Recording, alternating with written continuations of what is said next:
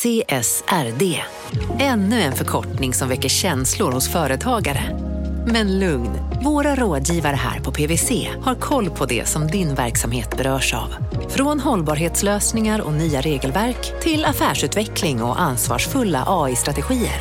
Välkommen till PWC. Men John, de här fakturorna, har du koll på dem eller? Att ha alla fakturor i en enda röra.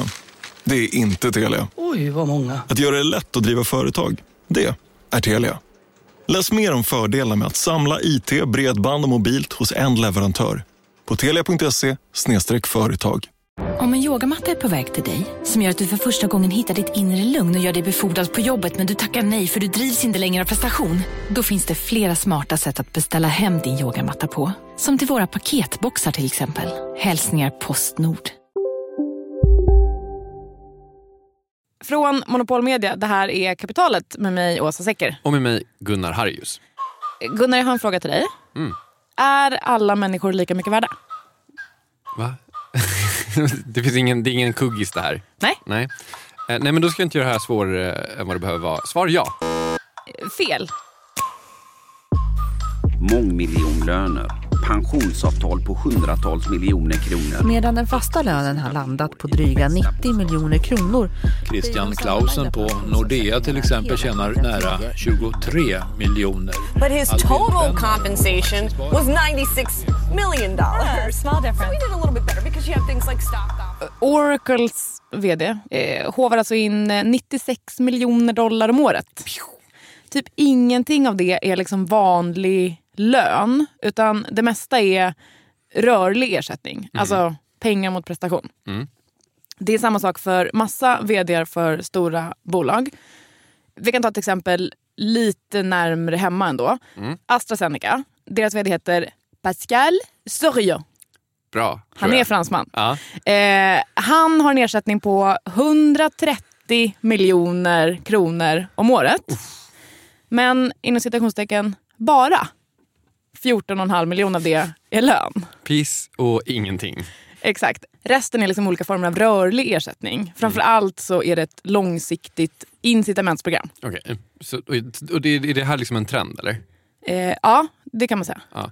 Okej, det man undrar då, eller det jag undrar då i alla fall, liksom så här, får ägarna det de vill ha om de viftar med tillräckligt mycket pengar framför näsan på en VD? Alltså, funkar den här typen av program? Ja men precis. Eller chansar man liksom och hoppas på det bästa. Vad är väl några miljoner hit eller dit? Ja, piss och ingenting. Ja, piss och ingenting. Så det vi undrar är väl egentligen så här, hur ser kopplingen ut mellan väldigt mycket pengar och prestation? Finns den ens? Kan en prestation vara värd flera miljarder? Efter det här. Vi sponsras av alltså Storbrand Asset Management som ju förvaltar över 1000 miljarder norska kronor, bland annat för SPPs eh, många pensionssparare. För två år sedan så investerade Storbrand i drygt 60 tåg, alltså tågvagnar, eh, som rullar mellan London och Skottland. De leasar sedan de här tågvagnarna till tågoperatören som alltså kör tågen och säljer biljetter och sånt eh, med ett avtal på 27 år. Så britterna får nya fina tåg och storbrandskunder, eh, däribland alltså SPPs pensionssparare, får en inflationsskyddad avkastning med låga risker under lång tid. Det här är ett av supermånga exempel på hur pensionskapitalet i växande omfattning bidrar till att bygga samhället och inte minst till att klara klimatmålen. Det behövs elproduktion, elnät, batteriparker, nya transportlösningar och allt möjligt. Bara i Europa antas investeringsbehovet för att klara klimatmålen uppgå till tusentals miljarder dollar. Och det här är ju pengar som ganska ofta saknas i statsbudgetarna. Däremot är det här pengar som pensionsbolagen kan vara med eh, och stoppa in, vilket ger pensionsspararna en fin avkastning under lång tid samtidigt som man är med och ställer om samhället. Vi har gjort ett helt avsnitt om det här eh, som man kan lyssna på. Det publiceras här i Kapitalet i mitten av maj. Ratta gärna in det om ni vill lära er mer om hur det här funkar. Men tack säger vi till Storbrand Asset Management som ju investerar i alla tänkbara tillgångslag, bland annat för pensionsbolaget SPP. Och tillsammans försöker ju vi, Storbrand och SPP, öka medvetenheten om hur pensionerna funkar och vilken roll pensionerna spelar i samhället och i ekonomin.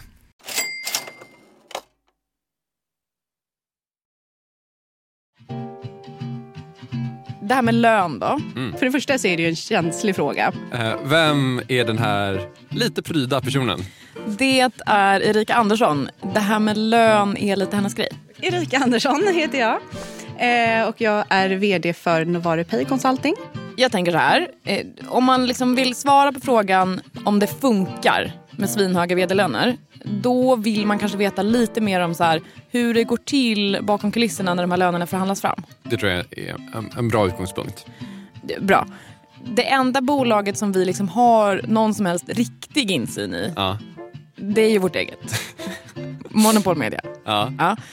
Nu är, jag tror inte att Jakob på pappret är VD för Monopol Media, men han är ju liksom faktisk VD Ja, för och Monopol Media. alltså så här, om det på något papper står att någon är vd så står det att han är vd. Absolut. Ja. Eh, så att eh, i det här scenariot då, Jakob är VD. Eh, du är ju delägare. Ja. Eh, och sen så tänker jag att så här, vi spolar fram tiden lite grann. Monopol Media har nu fyra delägare till.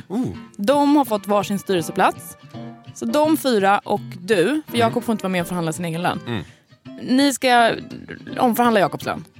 Okej. Vad gör ni? Okej, det här är då ett fiktivt scenario där, där mycket grejer verkar ha hänt. Men jag tänker om jag skulle göra det idag, då skulle jag kanske ta så här, äh, kolla hur mycket pengar vi har att lägga på lön, hur mycket som, kolla hur mycket pengar vi har att lägga på Jakobs lön.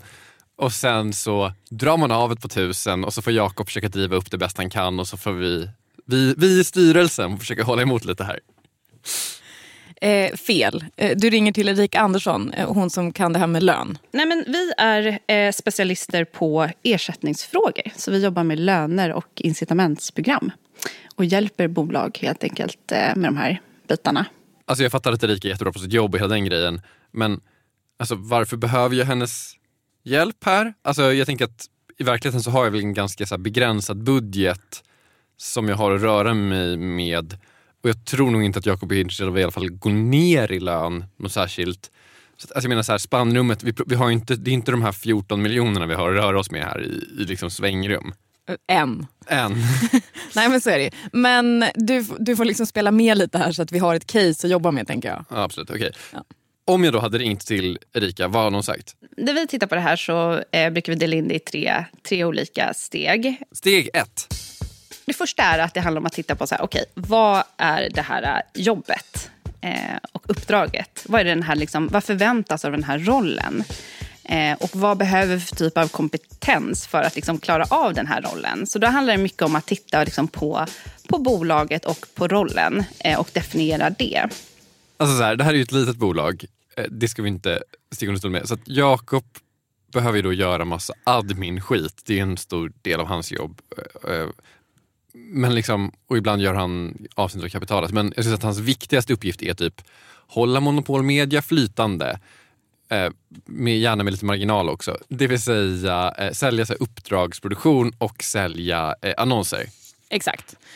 Och då tänker jag så här att det får man väl ändå säga att han verkar ha kompetens att klara av Mm. PGA. Vi sitter i den här studion och spelar in ett avsnitt. Ja. Vi hörde precis en annons som Jakob har sålt, som Ja. förmodar. Jag fick lön senast förra månaden till exempel. Ja, jag får också lön. Ja. Eh, sen är det också, handlar det också om att titta på okay, vad är det här eh, företaget i för utvecklingsskede. Eh, är det liksom ett, ett eh, moget företag eller ett, ett, eh, i det här fallet kanske ett litet bolag som vill växa? Det är ju också en intressant parameter att ta i beaktande när man tittar på vad, vad det krävs för typ av, av kompetens. Nu fyller vi visserligen tre år i vår, grattis till oss. Men moget... Alltså så här, jag tror inte att Erika Andersson skulle kalla oss för ett moget bolag. It's a stretch. Exakt. eh, sen, ja, vi är ju makthungriga också, vi vill ju bli större, vi ska ju växa nu. Så är det. Mm. Eh, steg två. Då handlar det om att titta på okay, vad, vad är liksom priset då på den här kompetensen på, på marknaden. Eh, och då tittar man på ett eh, externt perspektiv. Vad, vad är det liksom... Eh, vad är löneläget helt enkelt för, den här, för de här typerna av roller på marknaden? Och det där kan ju vara lite klurigt, för det finns ju kanske inte några så här exakta eh, likadana vd eller bolag ute på marknaden som man kan jämföra med. Utan då får man titta liksom mer utifrån kompetensen. Vad, är liksom, vad kostar den här kompetensen på marknaden helt enkelt? Ja, alltså det här är ju lite eh, klurigt. Ja. Men om Erik Andersson liksom får använda sin kompetens och gå in i sina olika databaser och försöker liksom hitta så här bollplanen för vad det skulle kunna handla om för en vd på ett litet bolag och där vd också äger en rätt stor del av bolaget, vilket Jakob gör. Ja, men då ligger lönen på 41 000 kronor. Men gud, vad kul specifikt. Eh, ja, jag kan vara ännu mer specifik. Eh, för att 41 750 kronor råkar ju då vara taket för allmän inkomstpension. Ah. Eh, sen tillägg, eh, det råkar också vara så att där i krokarna någonstans så går gränsen för statlig skatt. Mm. Det där sista är inte Erikas ord utan det är mina. Men, ja, men man, vi kan lägga ihop ett och ett här. vi kan lägga ihop ett och ett. Man skulle kunna tänka sig att det har med saken att göra. Okej, sista steget, eh, steg tre. Och sen när man har liksom det klart för sig, eh, då handlar det om som sagt det här individuella perspektivet. Vad är det liksom den här personen då som, som vi vill, eller som har den här anställningen, eh, eller om det är att man ska anställa en ny person. Eh, vad är liksom de individuella förutsättningarna här? Eh, det kan ju vara så att eh, personen kanske tidigare inte har något track record av att vara eh, vd och liksom drivit en verksamhet. Då kanske det bör ta, tas i beaktande då när man sätter den här lönen. Okej, så mindre erfaren, lägre lön antar jag? Det skulle kunna, kunna vara en anledning till varför man kanske tittar då i det liksom lägre spannet på, på marknaden. Ja, jag, är- jag är ledsen här Jakob, men här, det ser inte skitljust ut för dig. Eh, Men å andra sidan kan det finnas andra attribut som är jättevärdefullt för det här bolaget. Till exempel kanske den här individen har ett jättevärdefullt nätverk eh, som man vill betala för och då kanske man, då kanske man liksom prissätter det högre. Eh, så att jag skulle säga liksom, det är en kombination av de här tre delarna. Eh, och när det, det som oftast kan bli liksom stökigt det är när man, när man glömmer liksom att eh, analysera eller ska säga, någon av de här delarna eller perspektiven. Här kommer ju Jakob igen då. Han är ju en man med många kontakter, framförallt i liksom annonssvängen. Jag tror liksom, om vi skulle lägga över annonssäljet på DMA så skulle vi sälja exakt noll annonser det kommande halvåret. Vi skulle vara arbetslösa från och med igår. Eller så här, vi kanske skulle sälja en annons. Alltså så här, bolaget skulle hinna gå under innan du och jag hinner sälja en annons. Så mycket absolut, kan vi säga. absolut. så skulle det gå till. Ja. Han har en unik kompetens där. Hur bestämmer man vad som väger tyngst? Ja, nej men precis. Eh, det är en väldigt bra fråga. För det finns liksom ingen så här superformel att så här, det här, exakt det här är liksom på kronan, kronan och öret rätt lön för den här typen av jobb. Utan det handlar om att man måste hitta, eh, samla ihop bilden, samla ihop så mycket fakta och data som möjligt och sen eh, göra en bedömning som både då eh, eh, styrelsen eh, och eh, ja, eh, personen är bekväm med helt enkelt. Eh, sen sa Erika en grej till och det är att så här, det är ju rätt vanligt att vd i mindre bolag också har någon slags delägarskap. Det är ju logiskt och det har ju Jakob. Ja. Han äger ju nästan alltihopa. Ja. ja, han har skin in the game som vi säger. Eh, och då är det ju en grej till man kan tänka på som ju alla som har ett aktiebolag såklart redan känner till. Utan att gå in på liksom så här skatteplanering så kan det vara, så kan det vara fördelaktigt då att kanske ha en, en eh, ja, ta ut en lägre lön och, och, och ta ut andra typer av utdelningar istället. Då. så att, eh, Okej, så här, jag tycker kanske inte att det här har varit superrevolutionerande hittills. Alltså så här, folk har lite olika kompetenser. Det är ganska svårt att mäta dem. Erika Andersson har ganska mycket erfarenhet. Man värderar dem på olika sätt. Man kollar vad folk brukar få i lön. Det är nog ganska basic, eller? Absolut, så här långt skulle jag säga eh, inga konstigheter. Men om man tänker sig, eh, inte Jakob då, vd för Monopol Media med 3,5 anställd, utan så här, vd för ett mycket större bolag. Så här, en, en vd som tjänar många, många miljoner. Det är liksom då det kan börja bli lite komplicerat. För på den nivån så är det ju inte den fasta lönen som är grejen, utan den rörliga. Typ bonusar. Ja men precis, bonusar, pensionsavsättningar, olika incitamentsprogram. Eh, Novare, där Erika jobbar då, de brukar kolla på det här när de går igenom så statistik för vdarna på Stockholmsbörsen. 2018 så var den fasta lönen bara 50 procent av den totala ersättningen. Alltså hälften var någonting annat. I USA är de här siffrorna ännu mer extrema. Det är så här, ännu mindre andel som är, som är fastlön. Det som är mest intressant av de här rörliga bitarna, det är ju incitamentsprogrammen. Och då är det typ så här, äh, om du uppnår det här så kommer du få det här. Exakt. just i det här specifika fallet Alltså Jakob. så, eh, så kan det ju vara en idé att ha en rörlig ersättning kopplat till den här tillväxtresan som ska göras. Men men det finns, det finns ganska mycket att tänka på om man ska ge sig in i det här med att eh, ha något typ av incitamentsprogram. För det är mycket som kan, som kan gå fel också. Om man börjar mäta på parametrar som styr väldigt mycket åt ett, ett visst håll kanske man får oanade konsekvenser som kan vara negativt för helheten. Så man ska verkligen eh, inte underskatta att eh, göra en bra analys innan man sjösätter ett program. Okej, och vad är det som kan gå fel? Eh, ja, men okej, men om vi tar eh, ert bolag som ett exempel då, och ni ska växa. Eh, då, eh, en sak som skulle kunna gå snett då är att om man eh, kanske skulle ha ett prestationskriterium som bara tittar på antalet eh, kunder som annonserar hos er. Jag antar att det är en viktig intäktskälla för er. Svar ja. och så skulle man titta på det antalet och tillväxten i det. Eh, för att det tycker man liksom kan generera eh, öka värde på bolaget i framtiden. Eh, men då kanske det kan göra att eh, man fokuserar mycket på att bara dra in de här kunderna. Så man kanske eh, säljer någonstans till väldigt låga priser och det blir väldigt liksom, dålig marginal. Eh, så det kanske på helheten inte är ett så bra liksom, prestationsmått för, för bolaget. Nej, det låter inte alls som en bra idé. Tvärtom som en jättedålig idé. Och så här funkar ju systemet lite grann. Det finns ju alltid hål som man skulle kunna hitta om man bara liksom kollar på systemet länge nog. Så vad är då liksom ett bra instrument? Ja, alltså det är ju lite svårt för Erik Andersson att säga. Jag träffade henne i kanske en, en timme, så hon vet inte jättemycket om monopolmedia. Så jag tänker att så här, this is on us, det här får vi klura ut. Okay. Och då behöver vi inspiration.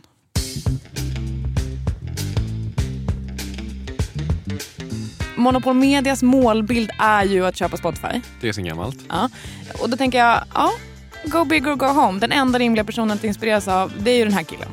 Ladies and gentlemen, on behalf of all of my colleagues here at Tesla, it is my honor to welcome to the stage Elon Musk. Elon Musk. Mr Elon Musk.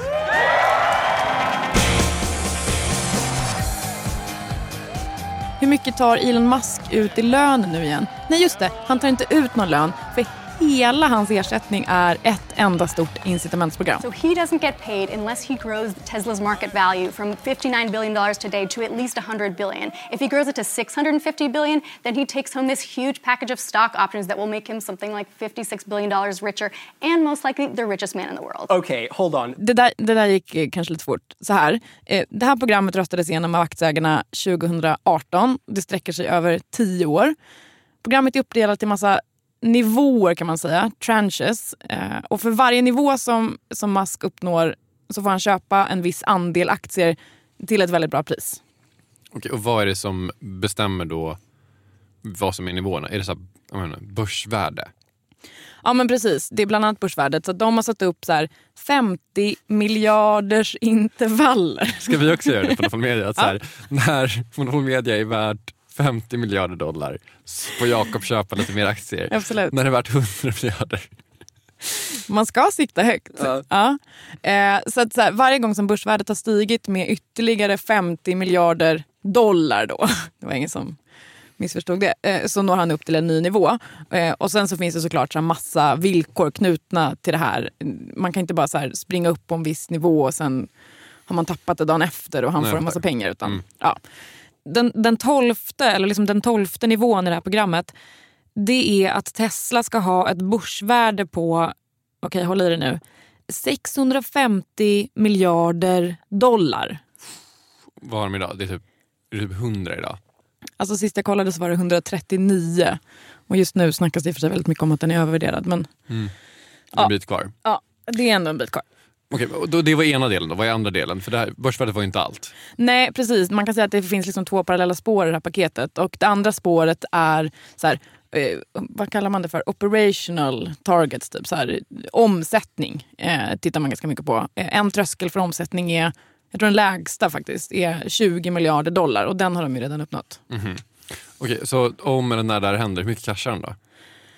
Eh, ja, men så här, man ska komma ihåg de här målen är högt satta. Det får man, det får man inte glömma. Eh, men eh, om han når upp till allihopa, då har Tesla, de måste nämligen lämna in så ett papper till en amerikansk myndighet med liksom en uppskattning för vad det här paketet är värt. Ja. 2,6 miljarder dollar. Men, men om allt... Alltså till i, inte lön utan bonusar till Elon Musk. Ja, ersättning liksom. 2,6 yard dollar. Ja, det är mycket pengar. Ja. Men om Tesla går så bra som det här, liksom om man når alla de här sjuka målen, Ja. då kommer ju Teslas aktiekurs ha stigit jätte, jätte, jättemycket. Mm. Så då skulle det här paketet så här, i verkligheten potentiellt kunna vara värt 56 miljarder dollar om tio år. Jävla mycket. Och då skulle då Elon Musk med bara den lilla bonusen kunna betala av halva Sveriges statsskuld. Ja, Normal lön. slut inga konstigheter. Ja, dit är det en bit kvar, eh, ska man säga. Och det finns ingenting som säger heller att han kommer att nå alla de här målen. Nej. Men det är inte alls långt kvar tills att han når den första nivån. Mm. Eh, och då kommer han att få köpa aktier eh, värda i runda slängar 346 miljoner dollar. Alltså 3 miljarder kronor. Kan en prestation vara värd 3 miljarder? Eh, precis, eh, detta är ju den stora frågan och, och som alla säger, det är oskäligt. Eller, man, man talar i skälighet eller oskälighetstermer. Och det kan man säga, det är ingen eh, särskilt eh, framkomlig väg. Okej, måste erkänna jag känner mig lite provocerad här. Vem är provokatören? Eh, han heter Lars Oxelheim. Ja, jag är professor i ekonomi och internationella affärer. Eh, och eh, jag har en bas här eh, vid Institutet för näringslivsforskning.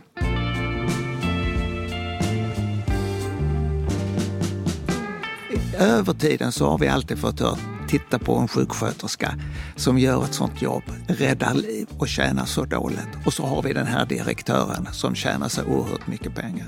Och det är naturligtvis väldigt viktigt, jag menar, för ett företag att ägarna får bestämma vem de vill ska leda eh, företaget. Och det är en rekryteringsprocess. Och om den personen presterar sen och ägarna är villiga att betala, ja då är, är ju processen rätt. Men det är ju så att, att eh, en viktig del är ju att inte så att säga ledningsgruppen eller vd själv kapar situationen och bestämmer sin egen lön eller har en väldigt starkt inflytande på sin lön. Utan vad, vad det handlar om att det är transparens och att ägarna vet vad man betalar för och säger ja till detta. Okej, jag är med. Lars Oxelheim är inte en person som upprörs över att olika direktörer får hysteriska, enligt mig, e- ersättningar. Jag är med på det. Men liksom så här, vad bygger han det här på? Alltså, vet han att det här funkar? Alltså, betyder hög lön verkligen att en vd kommer att prestera å bolagets vägnar? Eh, Det vill man ju gärna tro eh, i den bemärkelsen att eh, om nu ägarna är väl upplysta och de väljer att betala sina vd på detta sättet så kan man ju tänka sig att det är väl underbyggt.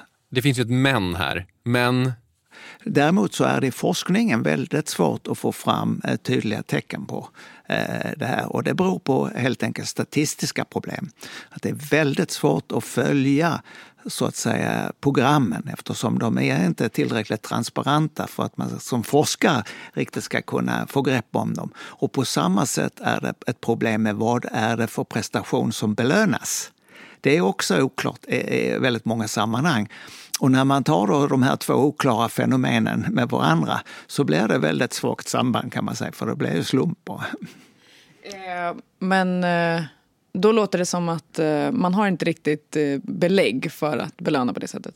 Ja, nej, det, det kan låta så, men eh, eh, och som jag säger, det är ett statistiskt problem. Eh, min övertygelse är att, att, eh, att eh, det finns fog för detta, att man har incitamentsprogram och det handlar ju om att, att man ska få eh, eh vd att ta lite extra risk. Och för det får, får man ge ett incitament till att ta den här risken. Och, eh, och problemet är ju sen att man måste utforma på det här programmet på ett sådant sätt att det inte blir för mycket risk för företaget. Och det är där ligger ett delikat problem. Men alltså så här, ett statistiskt problem, om vi bara hade all data som skulle kunna visa att det funkar eller inte funkar. Ja, enligt Lars då i alla fall. Det kokar ner till transparens, tydlighet. För om programmen var tydliga och, var det, och eh, belöningsgrunden var tydlig, då skulle man ju lätt kunna mäta eh, effekter. Då blir ju nästa fråga varför finns inte den här transparensen? För att om man tänker på det, det känns ju som att så här, företagen skulle tjäna på om det så här, gick att visa med evidens. Så här, det är rimligt att den här personen får så här mycket lön för att i gengäld får vi det här och det här och det här och det här. Finns tydligt samband. Men Om man är för tydlig om sin vd och vds förhållande och lönesättning så kan man ju råka ut för det att någon annan vill gärna ha den här personen. Ja, det här kan jag ju faktiskt berätta och köpa, att man, liksom, man blir faktiskt sårbar om man berättar exakt allt. Men det är ju inte heller så att en VD inte tjänar på det här. Alltså, det är ju inte jättelångsökt att tänka att om man kollade på alla data så skulle det visa sig att det kanske inte finns belägg för exakt alla kronor. Så att du får en bonus på 250 miljoner kronor. Och så kan man mäta att den här sista miljonen har du kanske inte... Alltså förstår du vad jag menar? Det finns ju... Jag tror inte att det är helt sjukt att säga att även om man hade all data så skulle det vara helt och hållet säkert att säga att bara för att en bolagsstyrelse har godkänt någonting så betyder det att personen i fråga faktiskt förtjänar det från prestation.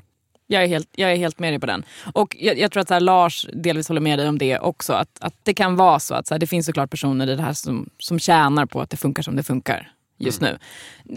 Men han vill i alla fall ha mer data så att han kan räkna på grejer lite mer ordentligt. Det är liksom hans hållning i den här frågan. Sen finns det ju de som går ett steg längre. Som istället säger så här, vänta lite, så här kan vi inte hålla på. Alltså det, det funkar inte alls att det finns folk som tjänar så här mycket pengar. Och nu pratar vi liksom inte längre om att så här, få tillgång till lite mer data utan om att själva grundpremissen inte stämmer.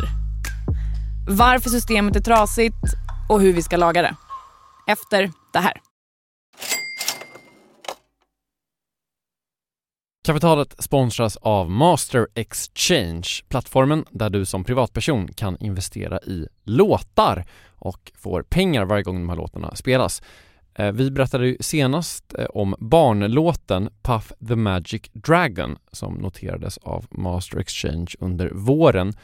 Nu har utdelningen på den låten kommit, eller royaltyn som vi säger i musikbranschen. Eh, den ligger på drygt 12% i årstakt och det här är ju en avkastning som är helt okorrelerad till eh, börsen. Till och med Goldman Sachs har börjat skriva om just musik som investering eh, just ur det här perspektivet. Nu finns en möjlighet att investera i en ny låt. Eh, låten heter Boss Bitch och den är av Doja Cat som, alltså jag ska inte säga att jag är superdeep här men det är ändå en, en person som jag vet om det är. En, en världskändis. Den här låten gav baserad på förra årets spelningar en avkastning på drygt 13% Master Exchange har just nu en väntelista på registreringar. Det, det går lite för bra för dem kan man säga. Men skriver ni in kapitalet som promo code så kan ni runda kön och ansöka om andelar i låten Boss Bitch ändå. Om ni investerar helt vanliga pengar, det är inget krypto eller sånt där. Så vill du investera i musik och få en avkastning som är helt okorrelerad med börsen och kanske inte minst för att det är kul att äga låtar eh, så kan man gå in på masterexchange.com och använda kapitalet som promo code så går man alltså förbi kön. Kom ihåg dock att alla investeringar är förenade med risk men vi säger stort, stort tack till Master Exchange. Kapitalet sponsras av Karla, Jakob. Ja, bilar igen. Ja, det är härligt. På Karla kan man sälja sin elbil eh, på det gissningsvis smidigaste sättet i Sverige. Eh, Karla har ju ett nästan ett komiskt högt användarbetyg på Trustpilot. Mm. 4,8 av 5, vilket jag typ aldrig hört talas om. Nej, det är väldigt, väldigt högt. Eh, Man knappar in lite info om bilen på sidan, sen får man en gratis värdering och ett bud. Accepterade budet kommer Karla och hämtar upp bilen gratis och sätter in pengarna innan de kör iväg. Inget mer än så. Rätt fantastiskt. Nej, det är faktiskt Ja. helt otroligt. Och eh, det kan bli ännu mer eh, otroligt än så. eh, För att vi har nämligen en eh, rabattkod som ger dig 2000 kronor extra för bilen. Så att om du säljer din bil så får du två lax extra. Stämmer. Bara sådär. Eh, koden är Monopol. Och eh, den uppger du när du har värderat bilen och eh, pratat med Karlas inköpare. Koden är giltig till sista maj, så att eh, passa på om du går i säljartankar. Jag undrar om vi haft en kod som har gett två lax bara sådär någon gång. Nej. Det är helt otroligt. Man behöver en bil förvisso. Absolut, så det är inte, kanske inte bara sådär, men det är ändå 2000 kronor extra. Väldigt bra. Ja. Så sälj din elbil eller laddhybrid till Karla. Du får 2000 kronor extra med rabattkoden Monopol. Hoppa in och kolla på karla.se, Karla Museet. Där kan vi också köpa bilar ska jag tillägga. Verkligen. Vi säger stort tack till Karla. Uh, one of the metaphors I sometimes use um, is I talk about the aspirin problem. Vem är den här underbara britten? Berätta mer om honom tack. My name is Alexander Pepper, although I'm normally called Sandy, um, which is a standard Scottish abbreviation for Alexander. Sandy, som vi kallar honom, eh, är professor i management practice på London School of Economics. You know, one aspirin is good for you, two will cure your headache much more quickly. Um, if you take 10, you'll probably feel ill, and if you take 100, it'll kill you. Um, and in, exact, in exactly the same way, you know, bonuses and incentive pay um, in relatively modest amounts can have a very positive impact on people's performance and motivation. But my belief is that if you if you extend it too far, it can be quite damaging. Absolut, 100 typ Alvedon är ju såklart jätte, jättedåligt. Men det är ändå en lite haltande metafor om jag får komma med en anklagelse här. Man dör ju inte för att man får för hög lön, eller? Alltså, eller vad menar han liksom är skadan man åstadkommer med ett instrumentsprogram? There is um, one line of argument that says there comes a point where actually paying people more actually uh, has detrimental effects. It can actually crowd out, is the phrase that's used, um, intrinsic motivated, motivation by focusing too much upon money. Så här, om allt fokus är på pengar och liksom pengar är incitamentet hela tiden, då tappar man bort andra grejer som också kan motivera en hög prestation. Ett exempel eh, på att det här har spårat ur, menar Sandy Pepper då, det är eh, bank och finansvärlden. Um, which has completely lost the plot in terms of using pay as a, uh, you know, a proper performance um, uh, motivating kind of sensible incentive, um, and has become so dominated by extrinsic motivation that um, uh, sort of uh, other reasons for doing things has, has been sort of completely lost. So there is an industry where it's very clear uh, that people are overpaid um, uh, with, you know, with all sorts of disastrous consequences. Man kan väl anta att så här, katastrofala konsekvenser som man pratar om här är finanskrisen 2008 till exempel. There's, there has been for the last, I don't know, 30 or 40 years an enormous focus, um, particularly in sort of Anglo-Saxon cultures, on what is called pay for performance. Um, and I am, um, uh, so I have a healthy skepticism about pay for performance.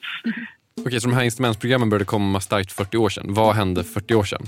So there's a thing called agency theory. Den här agentteorin den kan användas inom massa olika områden, statsvetenskap och hit och dit. Men eh, så här, förenklat kan man säga att det handlar om förhållandet mellan en uppdragsgivare och den som utför uppdraget. In 1976, two American economists called Michael Jensen and William Meckling uh, published a very famous paper that said that um, you could model the relationship between shareholders and executives as an agency relationship where the shareholders are the principals and the executives are their agents.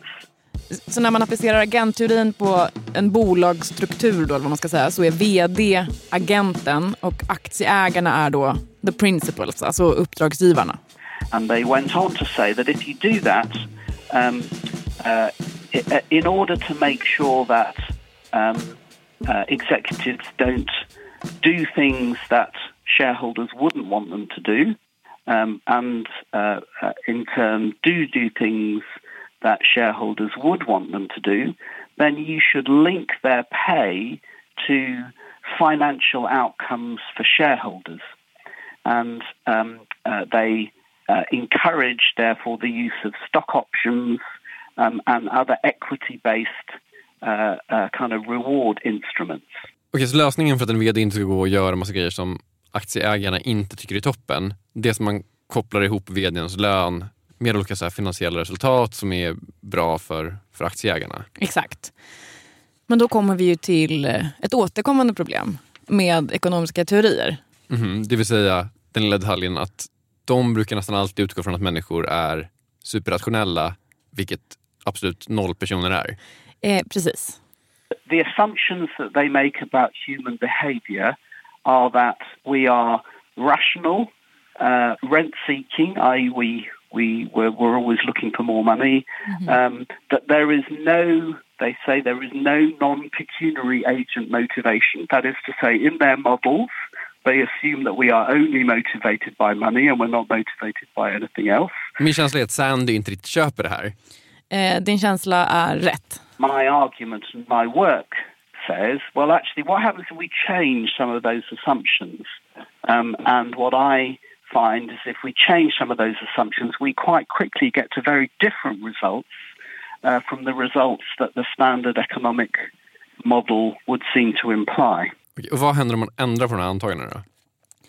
Ja, men alltså, för att testa det så måste man ju utgå då från riktiga människor, alltså livslevande, irrationella varelser. Så det har Sandy gjort. Han gjorde en jättestor enkätstudie där han ställde massor av frågor till 756 olika högst uppsatta chefer i 40 olika länder. Och det man ville ta reda på med den här studien det var liksom, ja, men de här långsiktiga incitamentsprogrammen som ändå har blivit väldigt populära. Är de ett bra sätt att motivera höga befattningshavare? Funkar bonusar? Exakt. Och vad kom man fram till? Ja, men han, han drog fyra slutsatser. Bear with me här nu. Okej. Ett. Eh, chefer är inte så riskbenägna som de ekonomiska teorierna tror. Eh, två. Eh, chefer, fint ord, diskonterar Mm. mycket mer än man tror. Wow. Alltså, Betyder? alltså, man undervärderar pengar som man ska få i framtiden alltså mycket mer än vad ekonomer skulle göra. Alltså cheferna överdiskonterar, det är det de gör. Så att de tror att de ska få... Om de säger så här, ah, du kommer få 100 kronor i bonus om tre år. Då tänker de, 100 kronor om tre år, det är nog 30 kronor, eller hur? Ja, exakt. Och vad gör man om man tänker så? Jo, man begär mer to begin with. Liksom.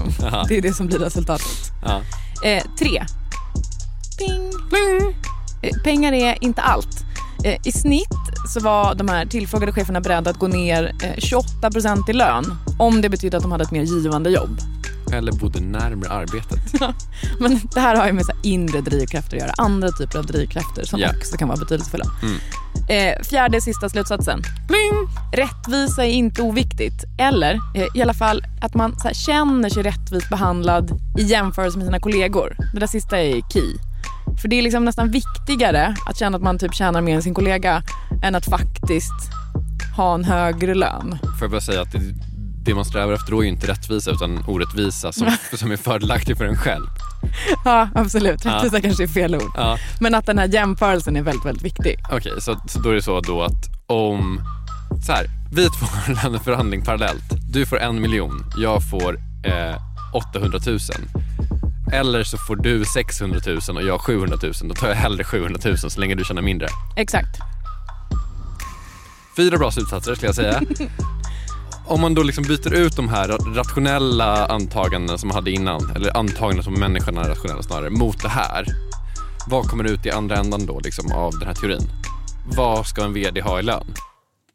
it, so the standard model would say you pay a, a small amount of fixed pay, a large amount of variable pay, and a large proportion of the variable pay you pay in the form of um, shares or stock options or some equity type instrument. And my argument is, well, actually, let's reverse that. Let's say you pay a much larger amount of a larger proportion of pay as fixed pay and a smaller amount as variable pay and a smaller amount as equity related, then actually, because of the way that discount factors for risk and time and complexity works, you could actually pay people um, considerably less than you would have to if you pay them these very sort of highly high powered dynamic um, uh, incentive uh, uh, packages. And I believe that actually you can do that, but still uh, obtain from people the same kind of level of motivation and performance as you would do even if you were having one of these much more sort of complex, um, highly dynamic arrangements. Så det han säger då, det är egentligen då att vi borde vända på det. Mer fast lön, mindre rörliga, sådana komplicerade bonusincitamentsprogram. Japp. Och då skulle resultatet bli att företagen betalar ut mindre, förblir rikare, men också får lika mycket prestation tillbaka. Ja men exakt, för att de här incitamentsprogrammen, en grej med dem är också att man kanske underskattar hur mycket pengar som faktiskt kommer att trilla ut om några år. Eftersom att det ja, vet man inte helt säkert när man spikar incitamentsprogrammet. Så de blir dyrare än man tänker sig. Typ att Tesla tror att de kommer betala ut 2,6 miljarder när de, om allt faller ut, kommer få betala 56 eller vad det. Exakt. exakt. Eh, så då tänker jag så här, om vi ska gå tillbaka till Jakob innan vi avslutar. Vad vi har pratat om Jakob idag. Ja, för att, för att nu har vi liksom flera olika alternativ. Erik Andersson, om man ska sammanfatta det lite då. Erik Andersson på Novare Pay Consulting, hon tycker att det är bra med en del rörlig lön för en vd i ett litet bolag. Men att man ska vara väldigt så noga när man väljer incitament om man vill ha ett incitamentsprogram. Lars tycker väl att det är lite vilket som så länge ägarna har all information de vill ha och att det liksom är de som får bestämma. Mm. Sandy skulle väl tycka att så här, det är väl bättre att Jakob har en större andel fast lön och mindre rörligt. Varför komplicera saker? Okej, det är de tre alternativen att välja på. Så vad blir det? Alltså, jag är ju bara minoritetsägare i det här bolaget. Så jag tror att vi ska ta in en till ägare då. Så vi kan liksom diskutera det här lite fritt. Det måste vara det rimligaste. Ja, absolut. Pausmusik. Hoppas inte han har gått hem nu och glömt att han skulle... Okej, då välkomnar vi det här avsnittets huvudpersonen i studion. Hej Jakob Bursell. Hej. Vi har, vi har precis liksom redogjort för de tre huvudlinjerna här i avsnittet som är då eh, incitamentsprogram funkar, skitsamma så länge ägarna bestämmer och incitamentsprogram funkar inte, vi borde ha mest fast lön. Så, så vad, vad motiverar dig? Som, eh, Se det här som en löneförhandling för övrigt. Som aktiv i vårt företag. Aktiv? Chef? Ja, men som jag- de facto ja. VD i Monopol Media AB. Ja, mm. Ja. Ja, alltså in, inte pengarna. I, I den bemärkelsen, inte en hög lön. Nej, utan vadå? Jag värdesätter mycket mer att, att kunna liksom, göra det man vill göra, jobba med de människor som man tycker om, eh, inte gå på tre timmars måndagsmöten och sånt där som man kan Mm. göra på, på ett riktigt företag. Okej, så utifrån det då, vad tycker du att du borde ha i lön? Men, Utifrån att du har ett givande jobb där du inte har tre timmars morgonmöten och har underbara kollegor och ganska givande jobb och byggt något eget. Och, vad borde du ha i lön? givet allt det, det slit som jag lägger ner. Ja. Nej men eh, ehm, 50 000 i månaden. Okej. Då frågar jag som då delägare och blivande styrelseledamot, vad har du i lön?